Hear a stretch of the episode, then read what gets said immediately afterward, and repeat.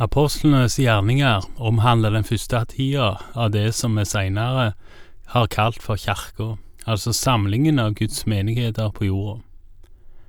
Det er vel flere som mener at deres kjerke er den eneste rette, men det kan fort bli vanskelig å avgjøre. Egentlig så er det vel sånn at de som er Guds barn, er de som har navnet sitt skrevet i Livets bok, og den holder heldigvis Gud sjøl oppsynet med. Så da er det kanskje mindre viktig hva vi måtte mene.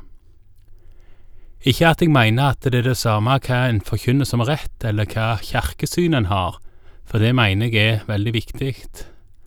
Men det er nå en gang sånn at det er Gud som avgjør. Og Det eneste jeg vil påpeke, er at det trolig er plass til flere avdelinger på jorda samtidig av Jesu kirke, avdelinger som utfyller hverandre. Og på samme måten som det nok er rom for flere avdelinger, så er det helt klart òg rom for flere tjenester. Det er kanskje sånn at forkynnelsen av ordet kan få en særstilling i mange sammenhenger.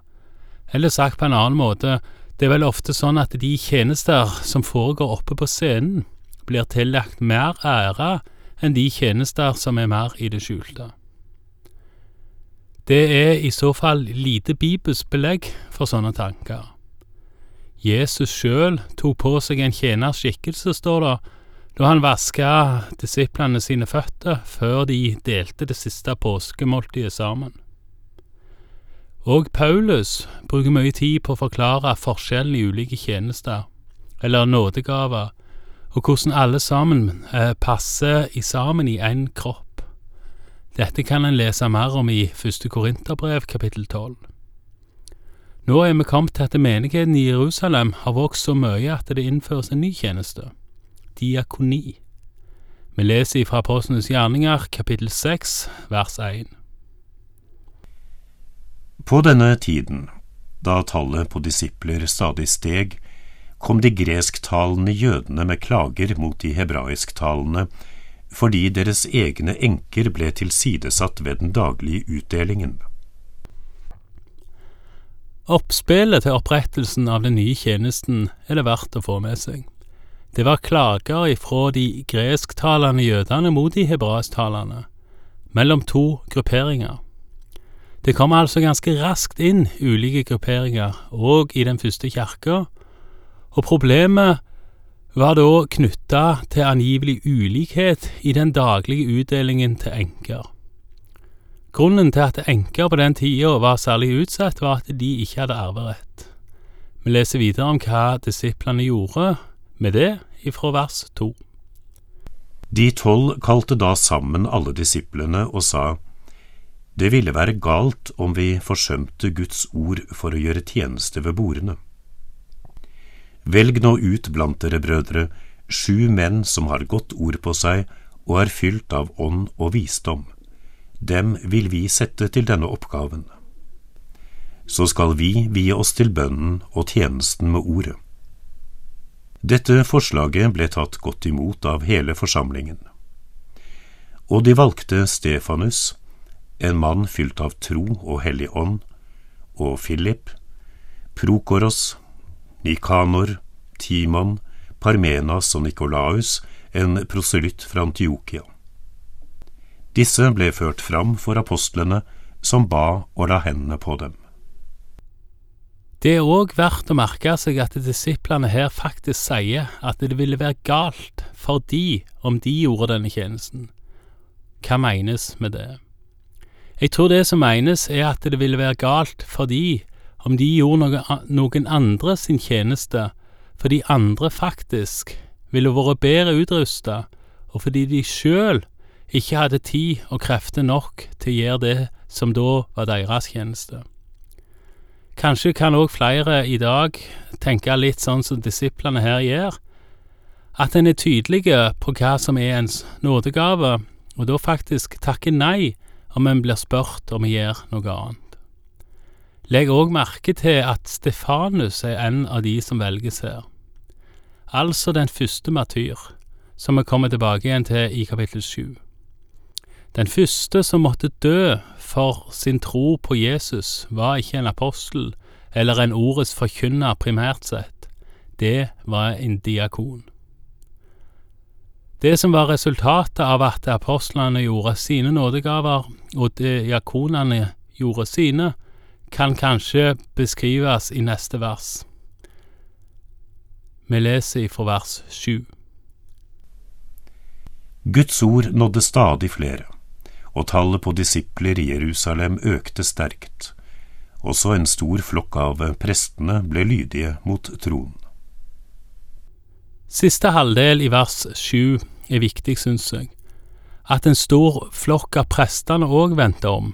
Prestene, og da særlig øversteprestene, de skriftlærde, sto som ei gruppe som ofte var imot Jesus, og da òg seinere apostlene.